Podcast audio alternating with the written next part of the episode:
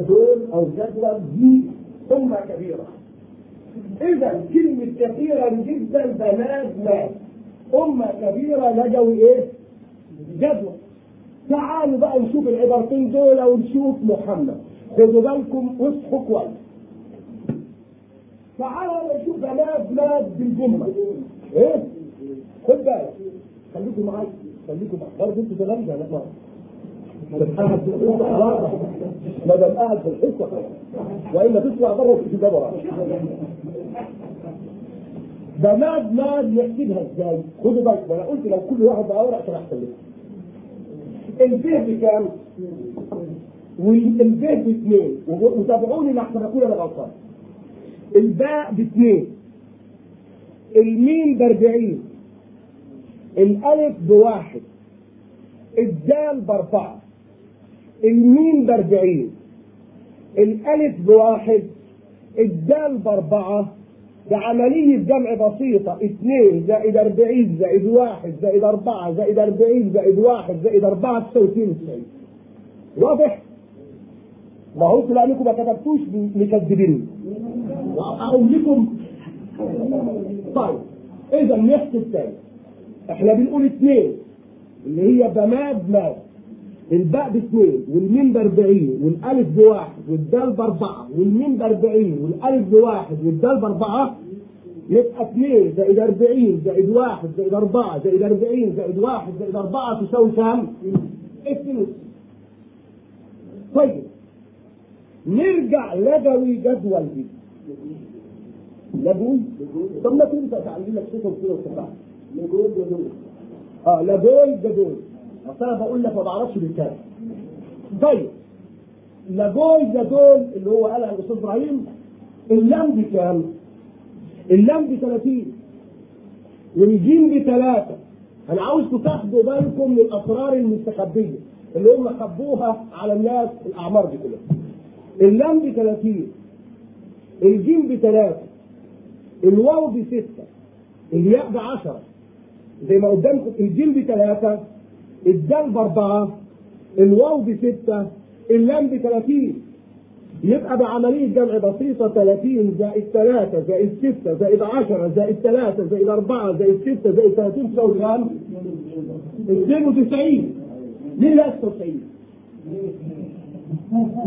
يا دكتور كام يا دكتور؟ اللام ب 30 والجيم ب 3 والواو ب 6 ب 10 ثلاثة الجيم. وأربعة. وستة وثلاثين اثنين وتسعين. يبقى إذا بنات مات اثنين وتسعين. ولابوي دول كام؟ اثنين وتسعين. في متى في الإصحاح 11 العدد 13 و14 أنا طولت على الأستاذ إبراهيم لأن قطعت عليكم كلامه الجميل لكن رجعت له. لأن جميع الأنبياء والناموس إلى يوحنا تنبأوا. وإن أردتم أن تقبلوا فهذا هو إيلياء المزمع أن يأتي. إيلياء إيلياء جاي. برضه نحسب إيلياء نشوف هيطلع إيه لأن عندي عيسى أحمد. خد بالك. إيلياء الألف بكام؟ والياء ما تشوفه. عشرة. واللام والياء والألف والألف يبقى المجموع ثلاثة وخمسين. تعالى أحمد. الألف والحاء والميم أربعين والدال يبقى المجموع ثلاثة وخمسين. ثلاثة وخمسين. الألف قلنا بواحد. الحاء بثمانية الميم بأربعين الدال بأربعة فيكون المجموع 53 ويكون هو قول الله تعالى ومبشرا برسول يأتي من بعد اسمه أحمد. شكرا. نسيبكم بعضكم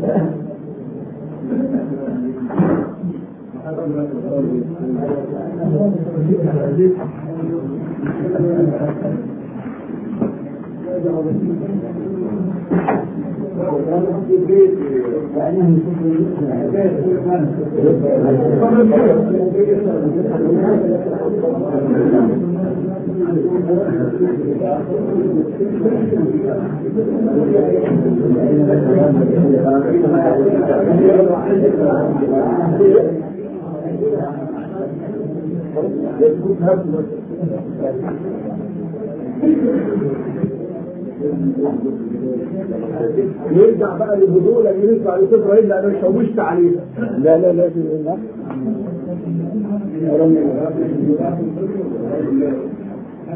طيب.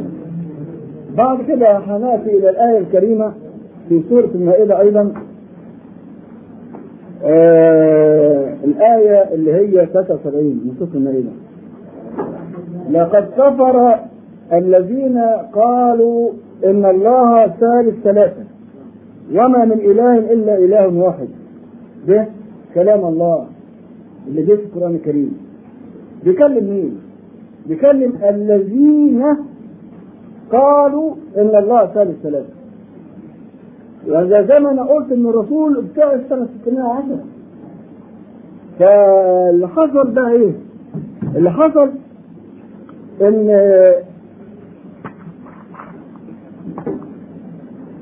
في مجمع قسطنطينية سنة 381 في واحد اسمه مقدميوس دعا بأن الروح القدس ليس بإله بل رسول من رسل الله. ولله جنود السماوات والأرض دي طبعا من القرآن. المقالة بتاعته شاعت بين المسيحيين في أرجاء الإمبراطورية الرومانية فلم يجدوا فيها بدعة ولا منكر غير أن الحاقدين أوعزوا إلى الملك بأن يأمر بانعقاد مجمع فانعقد مجمع القسطنطينية سنة 381 حضروا 150 من الأساقفة المجمع الأولاني كان كام؟ 2048 طبعا العدد البسيط ده هو ما يطمنش يعني نقدر نقول إن في جماعة من الاساقفه ما هماش راضيين كل الرضا على أوامر الملك. فكل اللي يعملوه إن هم يعتذروا يقعدوا في بيوتهم واحد يشوف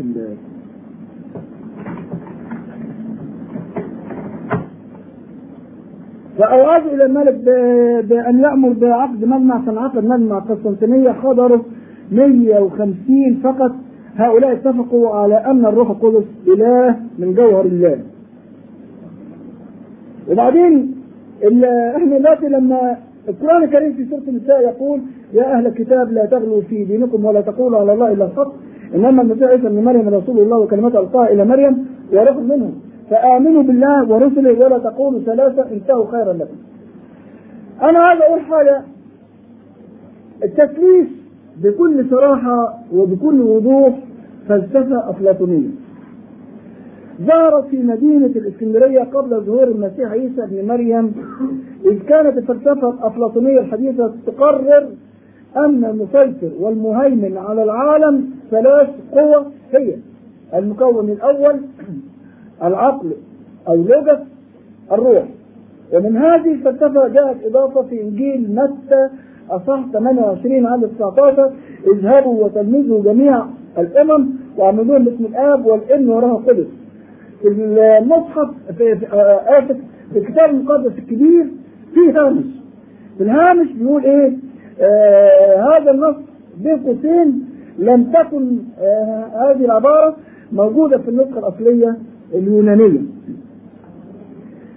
ويؤكد أن هذه الإضافة مستحدثة قول المسيح للتلاميذ كما جاء في إنجيل متى 10 5 إلى 7 هؤلاء الاثنى عشر أرسلهم يسوع وأوصاهم قائلا إلى طريق أمم لا تمضوا وإلى مدينة السامريين لا تدخلوا بل اذهبوا بالحر إلى إلى خراب بيت إسرائيل الضالة فالمسيح أرسل تلاميذه إلى بني إسرائيل وهو ذاته أقر ان هو رسول لبني إسرائيل. ما جئت إلا لخراب بيت إسرائيل الضالة. نيجي إلى حاجة ثانية إحنا دلوقتي هنستخدم العقل. التعليل العقلي للتثليث لا يا علمي ده أنا أسمع علشان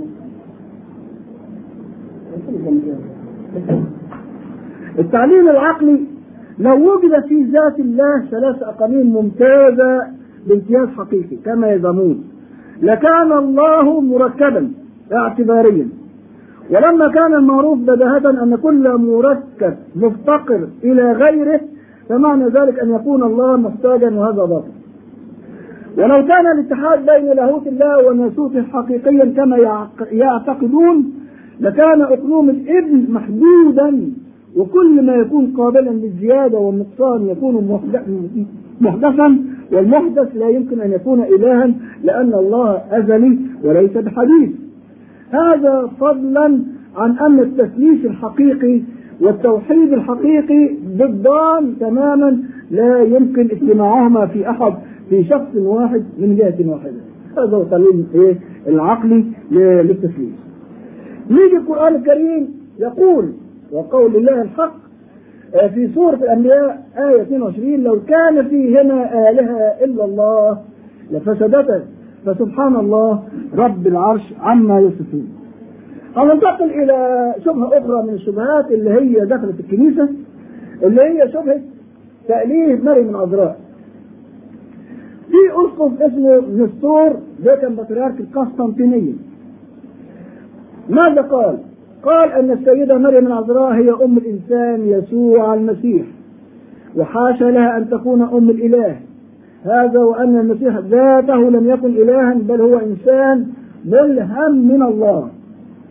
وانتشرت هذه العقيدة الأمر الذي دعا إلى انعقاد مجمع في مدينة إفسس حضره مئتان من الأساقفة وقرروا أنها والدة الإله. وفي هذا يقول القرآن الكريم يا عيسى ابن مريم أأنت قلت للناس اتخذوني وأمي إلهين. فكأن القرآن الكريم هنا يبلور شخصية الرسول عليه الصلاة والسلام. هو حقيقة أن الرسول كان ينادي في مكة المكرمة بالتوحيد.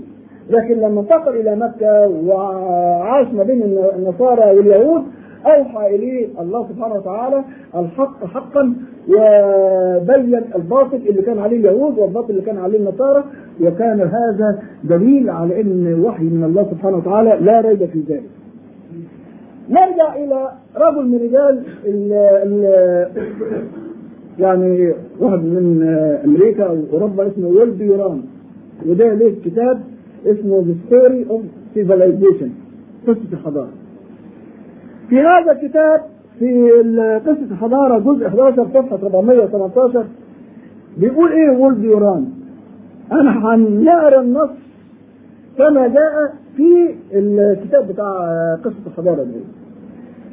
يقول ولما انفتحت المسيحية روما انتقل إلى الدين الجديد أي الدين المسيحي بناء الدين الوثني القديم. لقب الجد الأعظم. وعبادة الأم العظمى وعدد لا يحصى من الأرباب التي تبث الراحة والطمأنينة في النفوس والإحساس بوجود كائنات في كل مكان لا تدركه الحواس. إن هذه كلها انتقلت إلى المسيحية كما ينتقل دم الأم إلى ولدها. وأثرت روما الأسيرة فاتحها وأسلمت الإمبراطورية المحتضرة أزمة الحكم والمهارة الإدارية إلى البابوية القوية. وشاهدت الكلمة المواسية بقوة سحرها ما فقده السيف المسلول من قوته فحل مبشر الكنيسة محل الدولة. إن المسيحية لم تقضي على الوثنية بل ثبتتها. ذلك أن العقل اليوناني عاد إلى الحياة في صورة جديدة في لاهوت الكنيسة. وطقوسها وانتقلت الطقوس اليونانية الخفية إلى طقوس القداس الرهيبة وجاءت من مصر آراء الثالوث المقدس ويوم الحساب وبديهة الثواب والعقاب وخروج الإنسان في هذا أو ذاك.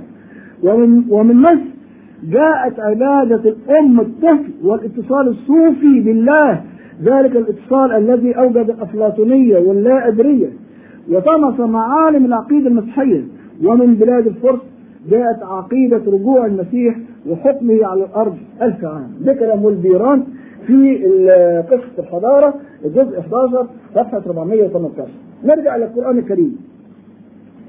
القرآن الكريم لم يترك الأمور آه تسير يعني آه يعني القرآن الكريم بدأ يوضح في الآية الكريمة. شوف بيقول إيه؟ الله سبحانه وتعالى. قل يا أهل الكتاب لا تغلوا في دينكم غير الحق ولا تتبعوا أهواء قوم قد ضلوا من قبل وأضلوا كثيرا وضلوا عن سواء السبيل. كأن القرآن الكريم ينبئنا عن ما سيحدث في الكنيسة من انهيار ومن تعدد ومن انسلاخ كنيسة إلى كنيسة أخرى. كل هذه الأحداث قبل بعثة الرسول صلى الله عليه وسلم. نيجي أول انقسام من الانقسامات الكنسية.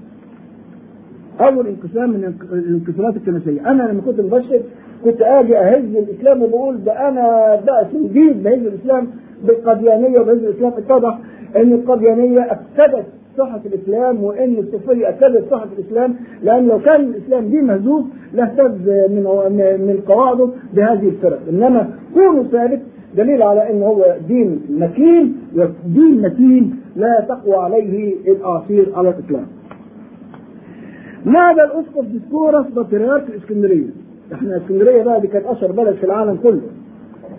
آه نادى الأسقف ديسكورس بطريرك اسكندريه أن السيد المسيح ذات طبيعة واحدة حيث تلاقى في ذاته اللاهوت بالناسوت فهو من جوهر الله بل هو الله المتأنس وشاعت هذه العقيدة الأمر الذي استلزم انعقاد مجمع خلقي دونية عام 451 انعقد المجمع سنة 451 في مدينة خلقدونية قرر المجمع أن المسيح ذات طبيعتين هما طبيعة اللاهوت وطبيعة الناسوت التقط في ذاته وكفروا ديسكوره ونفوه عن الاسكندرية إلا أن المصريين لم يرضوا بغيره بديلا وتجرأوا وأعلنوا تمسكهم ببطريرك الأمر الذي دفعهم إلى الإنساخ من الكنيسة منشئين الكنيسة المصرية الأرثوذكسية.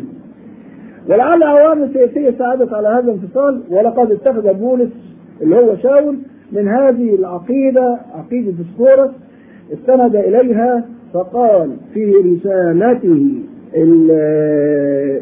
الأولى إلى تيموثاوس أصحاح ثلاثة عدد 16 وللأبناء عظيم هو سر التقوى الله ظهر في الجسد أنا لا أقيم وزني للرسائل ليه؟ لأن أنا لما أبص إلى الرسائل أبص ألاقي الرسالة إلى كذا الرسالة إلى كذا الرسالة إلى كذا. معناه إن مواعظ كان بيعظها بولس بطريقته الخاصه وطبعا الواعظ دايما بيلم من هنا ويلم من هنا عشان يدبج الكلام بتاعه. كيف ارتقت هذه إلى درجة الاناجيل؟ باطل هذا باطل اطلاقا يعني. فبولس في هذا البطلان كان راجل أفلاطوني كان راجل عايز يأكد النظام الروماني فهو ماشي مع ذلك ان المسيح هو الله. يجي القرآن الكريم. القرآن الكريم في سورة النساء آية 156 إلى آية 158 وبكفرهم. آه ما فيش يعني آه يعني نقول إيه آه يعني ما فيش المهم ما فيش محاباة. إحنا نقول الحقيقة. وبكفرهم وقولهم على مريم بهتانا عظيما. وقولهم إن قتلنا المسيح عيسى ابن مريم رسول الله وما قتلوه وما صلبوه ولكن شبه لهم. وإن الذين اختلفوا فيه لفي شك منهم ما لهم به من علم. أيها الناس إحنا اتكلمنا كتير قوي حول مسألة الصليب وبينا إن المسيح عليه السلام كان عنده سلطان ان هو يخسر. زي داوود عليه السلام لما كان يخطأ وهو نبي من الأنبياء كان بيقول كده. لأن عندك المغفرة لكي يخاف منك. عند مين؟ عند الله سبحانه وتعالى. فجاء القرآن الكريم ينفي الصليب إطلاقا. وبعدين الله سبحانه وتعالى مش ينفي الصليب بس لا يجي في القرآن الكريم يقول لك إيه قل يا عبادي الذين أسرفوا. الذين أسرفوا يعني مسكرين ومعربدين قل يا عبادي الذين أسرفوا. لا تقنطوا من رحمة الله. قل يا عبادي الذين اسرفوا على انفسهم لا تقنطوا من رحمة الله ان الله يغفر الذنوب الذنوب جميعا انه هو غفور رحيم. آه يعني شوف إزاي القرآن بيوضح وبيدي لك الطمأنينة وبيدي لك الإمكانية أيها الإنسان أين العقل؟ هل ترضى إنك أنت تجلس أمام كاهن زيه زيك وتقول له أنا عملت وأنا سويت وأنا وضبت وأنا كذا الله مين اللي خلقك؟ أليس هو الله؟ ومين اللي يغفر لك؟ أليس هو الله؟ ومين اللي بيرزقك؟ أليس هو الله؟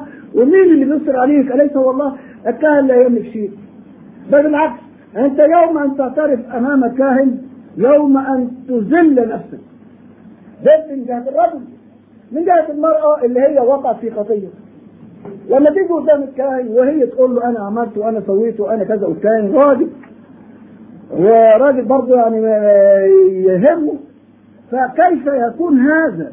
أليس هذا إذلال؟ أليس هذا الإسلام ما فيش حاجة زي كده الإسلام الإسلام فيه إذا أنت أخطأت اتجه إلى الله مباشرة. وإذا سألك عبادي عني فإني قريب أجيب دعوة الداعي إذا دعاني. فليستجيبوا لي وليؤمنوا بي فالله سبحانه وتعالى في الإسلام أقرب إليك من حبل الوريد. بعد كده جاء مجمع القسطنطينية سنة 680 في هذا المجمع آه بدأوا يعني يناقشوا قضية من القضايا. ظهر الأسقف يوحنا مارون سنة 667 بدعوة جديدة مضمونة أن المسيح ذات طبيعتين. التقتا معا هي طبيعة اللاهوت وطبيعة الناسوت في شخصه ولكنه ذات مشيئة واحدة وهي مشيئة الله. ولم تبقى هذه الدعوة في نظر البطارقة فعقد مجمع القسطنطينية سنة 680 حضره 289 أسقف وقرروا أن المسيح ذات طبيعتين وذات مشيئتين. الحقيقة إن أنا عايز أقول حاجة إن ده هو تضليل. تضليل فعلا أنا بدليل بدليل إن الإنسان الله خلقه من تراب. ده في القرآن الكريم.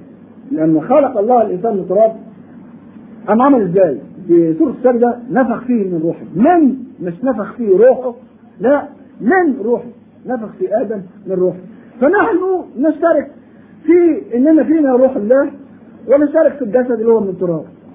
كمان حاجة ثانية إحنا برضه لنا مشيئتين إحنا نحب ناكل ونشرب ونحب نركب الخيول ونحب يكون لنا الغنى والنبذ لكن مع هذا برضه والدار الآخرة. برضه نحب نصلي ونصوم ونتعبد لله ونبارك الله حتى يكون لنا إيه؟ اليوم الآخر دين طيب.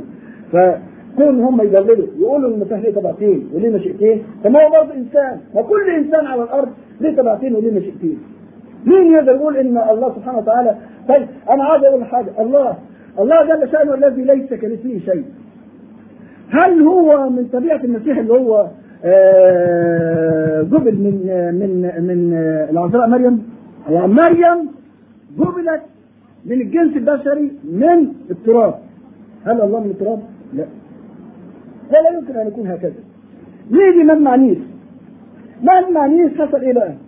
انعقد المجمع نيس ده سنة 687 وحضروا 377 اسقف وقرروا جواز تقديس صور السيد المسيح وامه العذراء مريم وكذلك صور القديسين ووضعها في الكنائس والبيوت. وقد أدى هذا القرار إلى تقديس الصور والسجود وهذا القرار يتنافى مع الشريعة. المسويه التي تنص لا تقيم لك تمثالا على الأرض ولا صورة من في السماء ولا من في الأرض. يعني بدأت الصور والتماثيل اللي هي في أرجاء الكنيسة الكاثوليكية. مجمع القسطنطينيه عام 879 هذا المجمع قرر أن الروح القدس انبثق من الله الاب. لكن قبل كده آه كانوا قالوا ناقد مجمع قبل كده قال إن روح قدس انبثق من الآب والإم فجه فسيوس اللي هو أسقف القسطنطينية وأكد إن الروح القدس انبثق من الله الآب. وطبعا كل الملائكة تنبثق من الآب. انبثق يعني إيه؟ مرسل. فلان مرسل. هذا معنى انبثق. وبعدين يجي مجمع الاساقفه تقرر في هذا المجمع أن بابا روما يملك حق الغفران ثم جاء وقت أفرط فيه رجال الكنيسة في منح الغفران افراطا شديدا حتى أنشأوا له صكوكا عرفت بصكوك الغفران. اسمعوا. اسمعوا ما جاء في صكوك الغفران. أنا بالسلطان الرسولي المعطى لي. أحلك من جميع القصاصات ومن جميع الإفراط والخطايا والذنوب التي ارتكبتها. مهما كانت عظيمة وفظيعة من كل علة. وأردك ثانية إلى الطهارة والبر. اللذين كانتا لك عند معموديتك. وإن طال عمرك بعد ذلك سنين طويلة تبقى هذه النعمة غير متغيرة. حتى تأتي ساعتك الأخيرة. ده ده السق الغفران. نعم؟ آه دي كان ليه ثمن يا السيد اللواء يعني آه إنما أنا عايز أقول حاجة يعني هذا الكلام اللي هم بيقولوه اولا هم قالوا إن إن إن الله صلب على الصليب عشان يفدي خطية الناس والبابا عنده إمكانية إن هو يغفر خطايا الناس ويجي بولس اللي هو رأس الكفر يقول لك إيه في في الرسالة إلى روميا آه، الحكاية اللي أنا قلتها المرة اللي فاتت. فالرسالة إلى روميا اصحاح سبعة هنقراها دي لأنها مهمة جدا. الرسالة إلى روميا اصحاح سبعة من عدد 14 إلى عدد 25 يقول بولس فإننا نعلم أن الناموس الناموس معناها الشريعة أن الناموس روحي اما أنا فجسدي نبيع تحت الخطية. امال إيه فايده الصليب؟ لأني لست أعرف ما أنا أفعله. إذ لست أفعل ما اريده بل ما أبغضه فاياه أفعل. سرقه أو أي حاجة يعني. فإن كنت أفعل ما لست اريده فإني أصادق الناموس أنه حسن. فالآن لست بعد أفعل ذلك أنا بل الخطية الساكنه فيا الله. يا ناس قولوا لي إيه فايدة الصليب وإيه فايدة موت المسيح عن الجنس البشري؟ الخطيه الساكنه فيا يعني ما ما ما, ما, خلصت الإنسان من الخطيه، إيه فايدة الصليب؟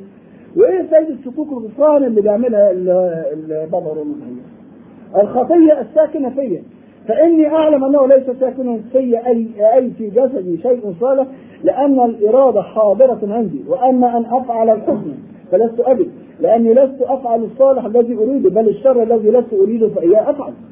فإن كنت ما لست اريد اياه أفعل وده نقطة من النقاط تبرير العفن اللي كان في الأديرة فإن كنت ما لست أريد إياه أفعل فلست بعد أفعله أنا بل الخطية. هو عمل ذنب الشماعة بتاعته الخطية اللي ساكنة فيه هي اللي إنما هو راجل معصوم ما مش حاجة الخطية هي اللي سكته للعمل. هو فلست بعد أفعله أنا بل الخطية الساكنة فيه إذا أجد الناموس لي حينما أريد أن أفعل حسنا أن الشر حاضر عندي. فإني أصر بناموس الله بحسب الإنسان الباطن ولكني أرى ناموسا آخر في أعضائي يحارب ناموس ذهني ويهديني إلى ناموس الخطية الكائن في أعضائي ويحيي أنا الإنسان الشقي. من ينقذني من جسد هذا الموت؟ أشكر الله بيسوع المسيح ربنا إذ أنا نفسي بذهني أخدم ناموس الله ولكن بجسدي. أخدم أخدم إيه؟ ناموس الخطية هذه بولس اللي هو رسول صحيح طيب نرجع إلى مجمع وورمز اللي هو عام 1531 آه ظهر لوسيروس وظهر بقوة عنيفة وأول حاجة عملها ندد بصكوك الغفران. وقال إن لا أسمة للبابوية وإن كلام البابا كلام غير مقدس وفشى الفساد اللي استشرى في في الأديرة. وقال إن الله واحد أحد. وبعدين عمل معلقة جاءت الدور عمل معلقة على كنيسة وورمز في ألمانيا. فالبابا عمل إن عقد الاجتماع. طبعا البابا بالثالثه بتاعته حضر وبدأ يشوف المعلقة فامر بحرق. الحرق ده من اختصاص الله سبحانه وتعالى مش لما أمر بحرق الشباب ألمانيا كان شباب مستنير فحال خطفوا من مكان وقال إحنا نشق من الكنيسة الكاثوليكية. فجت كنيسة أرثوذكسية في مصر وبعدين المارونية في الشام وبعدين الروم الأرثوذكس في قسطنطينية وبعدين الكنيسة البروتستانتية في أوروبا وبعدين نبص نلاقي هذا الانسلاخ ليس هذا فحسب بل حدثت حروب ما بين البروتستانت وبين الكاثوليك مسافات طويلة لم ينقذ البروتستانت إلا اكتشاف أمريكا وهروب الجماعة البروتستانت إلى أمريكا. الجماعة البابوات يعني خالفوا أمر المسيح عليه السلام. المسيح عليه السلام لما اختار ال 12 تلميذ اختارهم قال لهم إيه؟ قال لهم حاجة بسيطة خالص. لا تقتنوا ذهبا ولا فضة ولا نحاسا في مناطقكم ولا مزودا للطريق ولا ثوبان ولا أحذية ولا ولا عصا. لأن الفهم مستحق طعامه. وإحنا إذا رحنا الفاتيكان نجد دولة الفاتيكان دولة غنية تعيش في الذهب والفضة والحرير ويعني الأمر الذي يتناقض مع المسيح عليه السلام.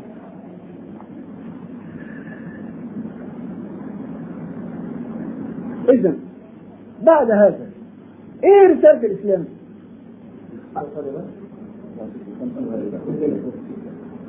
لا مواصلة ده حاجة ما وصلت بقى بس أقولها دي بعدين بكمل أيوه دي آية واحدة هقولها. أيوه واحدة آه. إيه بقى إيه إيه إيه اختصاص الإسلام؟ الإسلام برضه في سورة المائدة في حنان الله ورحمته بيقول كده أول سورة مش آه مش آخر سورة في العدد 15 و16 يا أهل الكتاب قد جاءكم رسولنا يبين لكم كثيرا مما كنتم أيها الأحباب. الحمد لله دي كانت المعالم الرئيسية اللي أنا استطعت أن أطمئن إليها وأن أعلن إسلامي مهما تعرضت من آه، متاعب ومن اضطهاد. فعلا آه، يعني لن لن لن ولن أتزعزع إطلاقا لأني وصلت إلى اليقين. وأنا في 25 ديسمبر سنة 59 أبرقت برقية للإرسالية الأمريكية في مصر وقلت لهم لقد آمنت بالله الواحد الأحد وبمحمد رسولا نبيا أما شبه تاريخ المسيح فالأناجيل تؤكد أن المسيح نادى بالتوحيد. ونحن ذكرنا هذا آه، من هذا آه، أن المسيح قال وهذه الحياة الأبدية أن يعرفوك أنت الإله الحقيقي وحدك. وأقر إنسانيته وبرضه ذكرناها وأقر ان هو بيخضع للعرش البشري وبرضه قلناها في قصة المسيح مع تلاميذه في السفينة والجوع والعطش. ولما جاء له واحد من الرؤساء من الرؤساء وقال له آه، اتبعك انما تمضي قال له للثعالب أو أو جرى والطول السماء أو كار وأما علم الانسان ليس له أين يسند رأسه؟ وبعدين الخوف آه، لما هو شاف مقتل يوحنا المعمدان. وبعدين هو كان بيكون بالنهار في أورشليم وبالليل يخرج إلى خارج المدينة عشان ما يعرفش نفسه. نيجي إلى مريم العذراء. مريم العذراء تنسى عن نفسها إن هي آه، والدة الإله. جاء في إنجيل لوقا صح واحد عدد 38 فقالت مريم هوذا أنا أمة الرب ليكن لي كقولك فمضى من عندها الملاك. ثم في انجيل لوقا صح واحد عدد 46 إلى 49 فقالت مريم تعظم نفس الرب وتبتهج بروح بالله مخلصي لأنه نظر إلى تضاع امته فهوذا منذ الآن جميع الأجيال تطورني لأن القدير صنع لي عظائم واسمه قدوس وبعدين في انجيل لوقا اصحاح 45 ولما لم يجداه رجع إلى إلى أورشليم يطلباني وبعد ثلاثة أيام وجداه في الهيكل جالسا وسط المعلمين يسمعهم ويسالهم وكل الذين سمعوه بهتوا من فمه وأجوبته فلما ابصراه اندهش وقالت له امه يا بني لماذا فعلت بنا هكذا؟ هوذا أبوك وأنا كنا نطلبك. آه وبعدين أما يسوع فكان يتقدم في الحكمة والقامه والنعمه عند الله والناس. كل هذا يبين أن المسيح إنسان. حتى الملاك أيضا اللي هو الروح القدس هو ملاك من الله سبحانه وتعالى. وأكتفي بهذا وأسأل الله سبحانه وتعالى أن يعني آه آه لا لا فيه لا ربنا ربنا ربنا لا تزغ قلوبنا بعد إذ هديتنا وهب لنا من لدنك رحمة إنك أنت الوهاب. ربنا إنك جامع الناس يوم لا ريب فيه. إن الله لا يخلف الميعاد. والسلام عليكم ورحمة الله وبركاته. وبعد. بهذا يقول الأستاذ إبراهيم خليل أحمد قد انتهى من دوره في العمل في هذا اللقاء وهناك تعقيب أخير للسيد اللواء أحمد عبد الوهاب وقبل أن أقدم هذا التعقيب أريد أن أعقب تعقيبا أسبق من تعقيب اللواء. الأستاذ الأستاذ إبراهيم أشار إلى مارتن لوثروس أو لوثروس أو مارتن لوثر. مارتن لوثر وأنا تحدثت عنه مع إخواننا من قبل هو زعيم حركة الإصلاح في المسيحية. أحب أن أشير إشارة عابرة إلى هذا الرجل فهو قام بثورة ضد البابوية ووضع على باب البابا 99 سؤال أو 99 احتجاج ولذلك سميت حركته حركة البروتستانت يعني المحتجين. هذه التسعة وتسعين احتجاج لو أننا درسناها ودرسنا ثقافة مارتن لوثروس أو مارتن لوثر فإننا نجده استطاع أن يستخرج هذه الأسئلة من علاقته بالإسلام أو من معرفته بالإسلام. وذلك أن الحروب الصليبية التي قامت أو قامت بها دول أوروبا على منطقة الشرق الإسلامي منذ أيام بطرس الناسك ثم أخذا بعد ذلك في التطور إلى أيام جوديفري دوق اللورين وريموند ابن ملك وبوهيموند ابن ملك جنوب إيطاليا ثم بعد ذلك فترة الملوك ملوك أوروبا حينما زحفوا على الشرق فيليب وريتشارد ملك إنجلترا ولويس التاسع. الذي قدمت عنه زوجته مارجريت أوف بروفانس فدية مالية عظيمة حينما أسر في مدينة المنصورة سنة 1250 ثم قتل في مدينة تونس سنة 1270 مشيعا بقول الشاعر يا فرنسيس هذه أخت مصر. فتأهب لما إليه تصير. لك فيها دار ابن لقمان قبرا وطواشيك منكر ونكير. قبل كده كانوا قالوا له في المنصورة. قل للفرنسيس إذا جئته مقال صدق من قول النصيح وفقك الله لأمثالها لعل عيسى منكم يستريح. المهم إن كان أعظم المحاربين في هذه المعارك هو جماعة فرسان المعبد زي ما تقول جمعية فدائية قوية. جمعية فدائية قوية هي جمعية فرسان المعبد. كانوا أقوى المقاتلين. كانوا هم أقوى المقاتلين والمحاربين في الحروب الصليبية عبر تاريخها كله. هؤلاء وهم فرسان المعبد حاصروا حامية دمشق أو حاصروا المسلمين في حامية دمشق. أرجو أن نتصور الموضوع تصورا بسيطا. من الذي يحاصر؟ فرسان المعبد.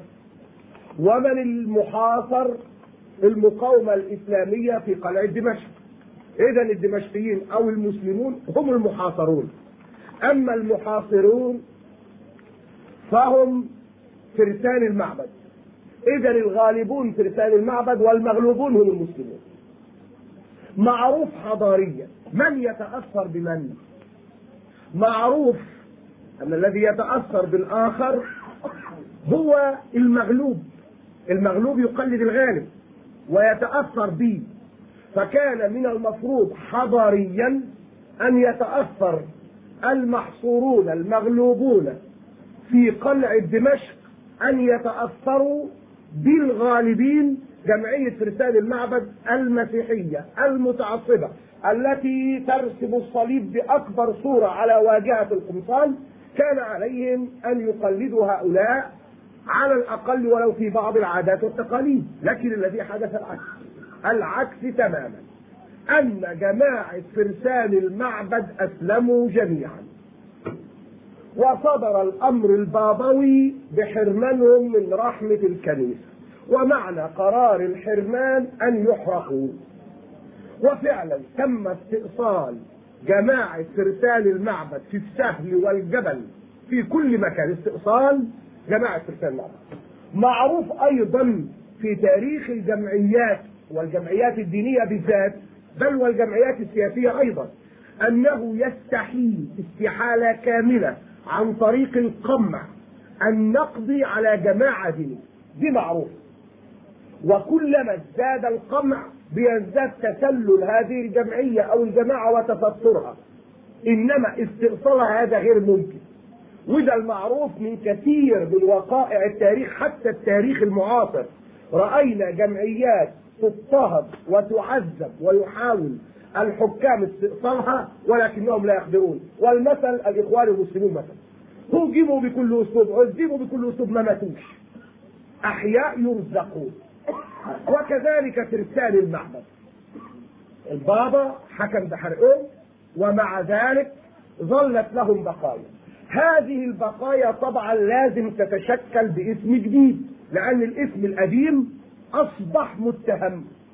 فألفوا جمعيتهم باسم جديد تستروا فيه سموها جمعية الصليب الوردي. جمعية الصليب الوردي بيقول عنها ميرابو مؤرخ الحملة الفرنسية.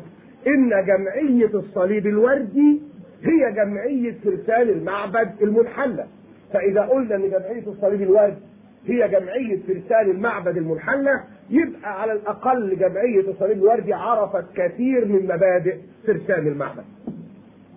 ثم إذا عرفنا بالتالي إن مارتن لوثر كان عضو في جمعية الصليب الوردي يبقى أمكننا بسهولة أن نعرف أن حركة الإصلاح التي حركها مارتن لوثر كانت على معرفة ببعض مبادئ الإسلام. لأنه كان عضوا في جمعية الصليب الوردي وجمعية الصليب الوردي كما قال ميرابه هي جمعية فرسان المعبد المنحلة إذا كان له علاقة على نحو ما هي التي أثرت فيه وجعلته يضع ال 99 احتجاج. سؤال آخر أو أخير هل كان مارتن لوثر على معرفة بالإسلام الحق؟ الجواب لا. أو جواب آخر يضاف إلى هذا الجواب وهو أن مارتن لوثر تحت ضغوط التعذيب والاضطهاد الذي عاناه في ذلك الوقت لأنه قام بترجمة الإنجيل وهذا من أكبر الأعمال العظيمة التي قام بها أن ينزل الإنجيل إلى لغة الناس لأن لا يكفي أبدا أن يكون الإنجيل وقف على القسيس أو الكاهن يقرأه بلغة لا يفهمها الشعب. وإنما ترانيم حتى القسيس نفسه ملقن إياها والجمهور مش فاهم حاجة. فابتدأ يترجم الإنجيل ومن يوم أن ترجم الإنجيل ولم يستقر للكتاب المقدس قرار. لأن الهجوم والمناقشات وكشف التناقضات الموجودة بالآلاف في الأناجيل مع أن الإنجيل أحي يعني أحيانا بيكون عشرات الصفحات 36 صفحة 40 صفحة يعني صغير. ومع ذلك فيه متناقضات لا عديد لها. لو أن مارتن لوثر كان شجاعا أكثر لأعلن إسلامه وأعلن إسلامه بصراحة. على كل حال أحب أن أقول لكم إن هناك حركتين في أوروبا. وأوروبا مقدمة على هاتين الحركتين وبيدبروهم فعلا. الحركة الأولى إيجاد لغة عالمية بيسموها الاسبرانتو إيجاد لغة عالمية بيدوروا على لغة عالمية.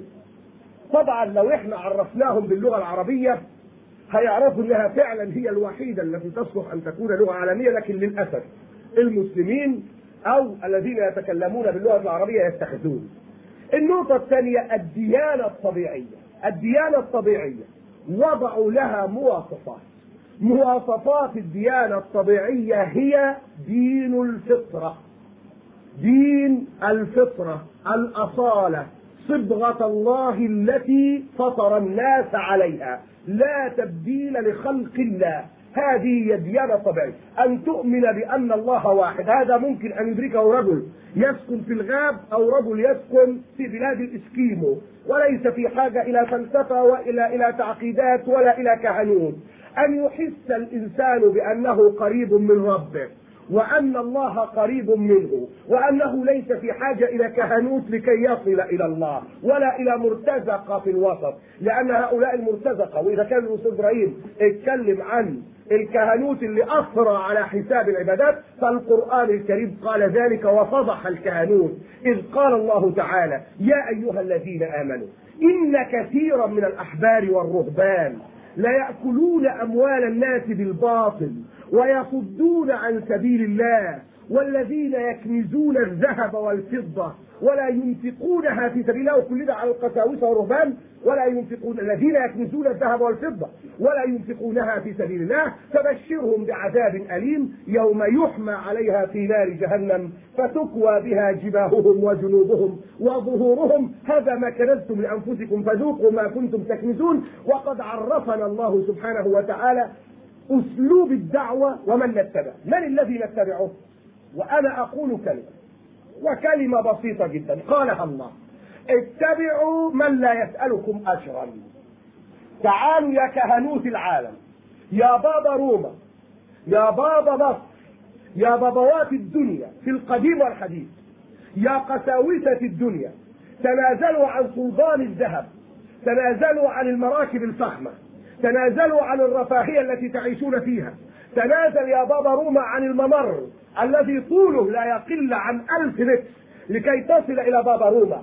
تمر بعشرات المكاتب حتى تكون قد انهرت تماما لكي تصل إلى قدس الأقداس الأعظم. تنازلوا عن هذا كله وكونوا كما قال الله اتبعوا من لا يسألكم أجرا فلتكن هداية الله مجانا وبلا ثمن ولتبذلوا هداية الله كالهواء والماء. هل يستجيبون؟ لا. ولو سقط هذا لسقط الكهنوت. لو سقط المال وهو العامل الأساسي في إصرار الكهنوت وفي تمسكه بحياته لو سقط لسقط كل شيء. ونتمم الحديث في الغد. غير أنني أترككم مع السيد اللواء أحمد عبد الوهاب ليختم الجانب المسيحي من النقاش حيث أننا سنبدأ الإجابة على الأسئلة الإسلامية. في الغد إن شاء الله وهو عبء ثقيل أسأل الله أن يخففه عني. موجهة لأحد من السادة الحاضرين آه، إنها كلمة وجهها إلى المبشرين الأجانب الذين يفيدون إلى البلاد الإسلامية فأقول لهم وأنا متأكد أنهم سوف يسمعونها. أيها المبشرون ارفعوا أيديكم عن المسلمين. أولى بكم أن تحملوا أمتعتكم وصحائفكم وتعودوا بها إلى بلادكم. فلم تعد مثل هذه صالحة للترويج والبيع بين المسلمين. إنكم تعلمون أكثر من غيركم ما آلت إليه المسيحية عقيدة وأخلاقا بل ومظهرا. فلم يعد يبقى منها تقريبا سوى اسمها. فالأولى بمن تصدع بيته أن ينقذ بناءه أولا ويصلح ما فسد به قبل أن يخرج إلى العالم يدعوه كما تزعمون إلى الخلاص والإيمان. أولى بكم أن تتفقوا على عقيدة مسيحية واحدة. تقوم على الإيمان بالإله الواحد الأحد الذي كان آخر وحي أنزله إلى موسى قوله حي أنا إلى الأبد. سفر التثنية 32 عدد 40 ولقد ألزمكم المسيح بعقيدة موسى والتزم هو بها. وسجل ذلك كتبة الأناجيل. وما من سبيل لإزالة الشقاق بين فرقكم. وشيعكم المختلفة إلا هذا. الإيمان بالإله الواحد الحي الذي لا يموت ثم الكف عن الخلط بين الله وبين المسيح كما قال بعض علمائكم وحكمائكم. وعندئذ فقط يمكنكم القول بأن المسيحية عقيدة تؤمن بالله الواحد.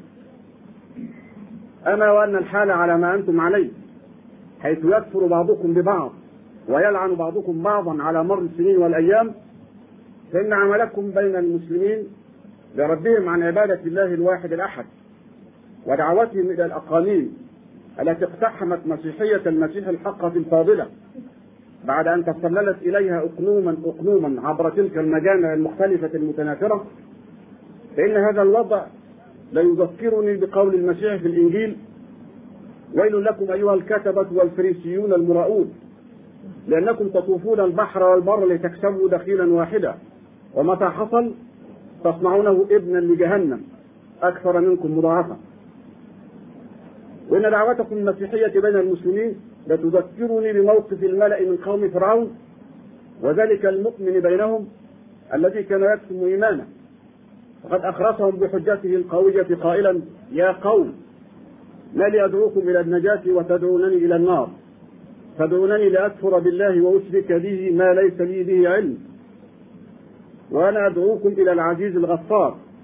لا جرم أن ما تدعونني إليه ليس له دعوة في الدنيا ولا في الآخرة وأن مردنا إلى الله وأن المسرفين هم أصحاب النار.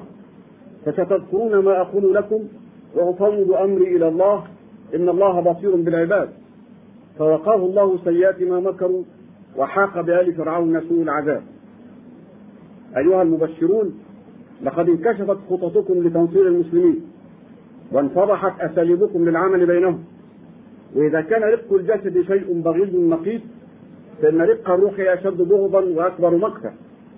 إنكم تمارسون رق الروح حين تقدمون مساعدتكم المادية لفقراء المسلمين متمثلة في حكمة من الأرز كما تفعلون في آسيا وخاصة في أندونيسيا. وذلك بشرط أن يقبلوا المسيحية التي تفرضونها عليهم. سبحان الله. لقد قتلتم بهذا أول حقوق الإنسان فحرمتموه حرية الاختيار وأي رق أفظع من هذا. ولقد بلغ الهوس بعضكم أن قال منذ أكثر من سبعين عاما حين كان الاستعمار القديم جاثما على صدر العالم الإسلامي كله يجب علينا أن ننتهي من تنصير المسلمين في مدى خمسة وعشرين عاما. والحمد لله فلقد مضت ثلاثة أمثال تلك المدة وبقي الإسلام قويا صامدا بل إن السنوات الأخيرة قد شهدت تحول الكثيرين من الأوروبيين والأمريكيين إلى الإسلام بسهولة ويسر بعد أن احتكوا بالعالم الإسلامي وعرفوا شيئا عن ذلك الدين الذي حرصتم على تشويهه بكل ما أوتيتم من قوة. نعم لقد كان كل همكم كما قال برنارد شو هو تدريب المسيحيين على كره محمد والقرآن والإسلام. ولقد انتهزتم كل خطأ أو تصرف أحمق يصدر عن بعض من في العالم الإسلامي سواء جاء ذلك من أفراد أو جماعات لتقولوا هذا هو الإسلام. وأنتم أول من يعلم كذب هذا القول لأن الإسلام شيء والمسلمين وسلوكهم وما هم عليه من ضعف الآن شيء مختلف تماما. إنكم تعلمون يقينا أن هناك حضارة إسلامية قامت على نصوص القرآن وروح الإسلام وتعاليم النبي التي تدعو إلى العلم وتحرير الفكر والنظر في الكون. فانتشرت المدارس وحلقات العلم ونبغ العلماء في شتى فروع مثل الطب والفلك والرياضيات والطبيعة والكيمياء والصيدلة بل والموسيقى. ولا يزال إدخال الصفر في الحساب واكتشاف خاصية اللوغاريتم الذي لا يزال اسمه الوصول إلى مصدره الإسلامي من أعظم الإنجازات في عالم الرياضيات. كما اعترف بذلك أولو الفضل والعلم من الأوروبيين والأمريكيين. هذا على حين أن الحضارة الغربية الحديثة لم تقم لها قائمة إلا بعد أن تحررت من سلطان الكنيسة التي أحرقت العلماء ومنهم برونو لا بشيء إلا لأنه قال أن الأرض كروية. ثم أخذت علوم المسلمين واهتدت بأساليب أساليبين في البحث والتجريب ومن ثم كانت هذه النهضة الأوروبية الحديثة. ولا أريد أن أذكركم أنه بينما كانت الحضارة الإسلامية تتألق في عصر هارون الرشيد كان معاصره شارلمان مشغولا بتنصير الوثنيين الأوروبيين بحد السيف. ويكفي أن أذكر ما تقوله وثائقكم التبشيرية من أنه قتل في يوم واحد 4500 وثني رفضوا التعميد والتحول للنصرانية وكانت المعاهدات بينه وبينهم تقضي إما التنصير أو القتل. ورغب شارلمان سحبت الكنيسة بعضا من طوائف الفرسان الصليبية من فلسطين أيام الحروب الصليبية ليساعدوا في تنصير شعوب البحر البلطيقي بحد السيف واستمروا في العمل هناك طيلة خمسين عاما. في نظير ثمن حددته الكنيسة وهو الاستيلاء على أراضي ولايتهم الكفرة ثمنا لإعطائهم المسيحية. هذا بل إن أساسيات العلوم الذرية الحديثة جاءتكم من العالم الإسلامي. أما قرأتم قول جون أونيل في كتابه الذرة الجبارة الذي أصدره عام 45 ما يلي؟ إن إحدى النقط المتلألئة في العصور الوسطى تأتي من العالم الإسلامي. إنها قول علي صهر محمد إذا فلقت ذرة أي ذرة طيب في قلبها شمسة. إن هذا كما يقول جون أونيل يدل على أن بصيرته الصافية قد استطاعت أن تلمح حقيقة النظام الشمسي الحديث في الذرة. وجدير بالذكر أن عليا سبق أن قرر أن عليا سبق أن قرر كما هو مسطر في نهج البلاغة أن كل علم حصل عليه. إنما هو تعلم من ذي علم. علمه الله نبيه فعلمني ودعا لي بأن يعيه صدري وتطم عليه جوارحي. لقد كانت فكرة النظام الشمسي في الذرة متأصلة في التراث الإسلامي. فهو فريد الدين العطار يقول بعد خمسة قرون من علي الذرة فيها الشمس. وإن شققت ذرة وجدت فيها عالما وكل ذرات العالم في عمل لا تعطيل فيه. لقد قامت النظرية الذرية الحديثة وما ترتب عليها من تطبيقات في مجالات الحرب والسلم على السواء على أساس أن الذرة نظام شمسي فمتى عرفت أوروبا هذه النظرية؟ يقول عالم الطبيعي هايزنبرغ ظلت الذرة حتى مطلع القرن العشرين كما كان يؤمن بها ديمتريس ذات حجم يقترب من حجم ذرات الغبار المتراقصة في حزمة ضوئية أو أقل بقليل. وحتى مطلع القرن العشرين لم يكن التساؤل عن شكل الذرة ممكنا في أوروبا. هذا إلى أن استطاع رذرفورد تصور نموذج الذرة مكونا من نواة مركزية موجبة تتبع حولها إلكترونات سالبة. فالذرة بهذا تعتبر نظاما شمسيا حيث تناظر نواة الشمس. كما تناظر الكرات السابحة في الذرة تلك الكواكب السابحة حول الشمس مثل الأرض والمريخ.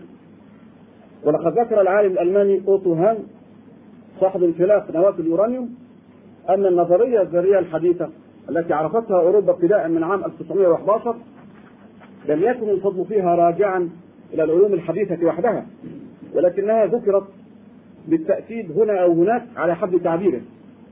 ولما كان قدام الإغريق الذين يتحدثوا في الذرة لم يدرون شيئا عن فكرة النظام الشمسي فيها لم يبقى إلا التسليم بأن مصدر تلك النظرية هو التراث الإسلامي.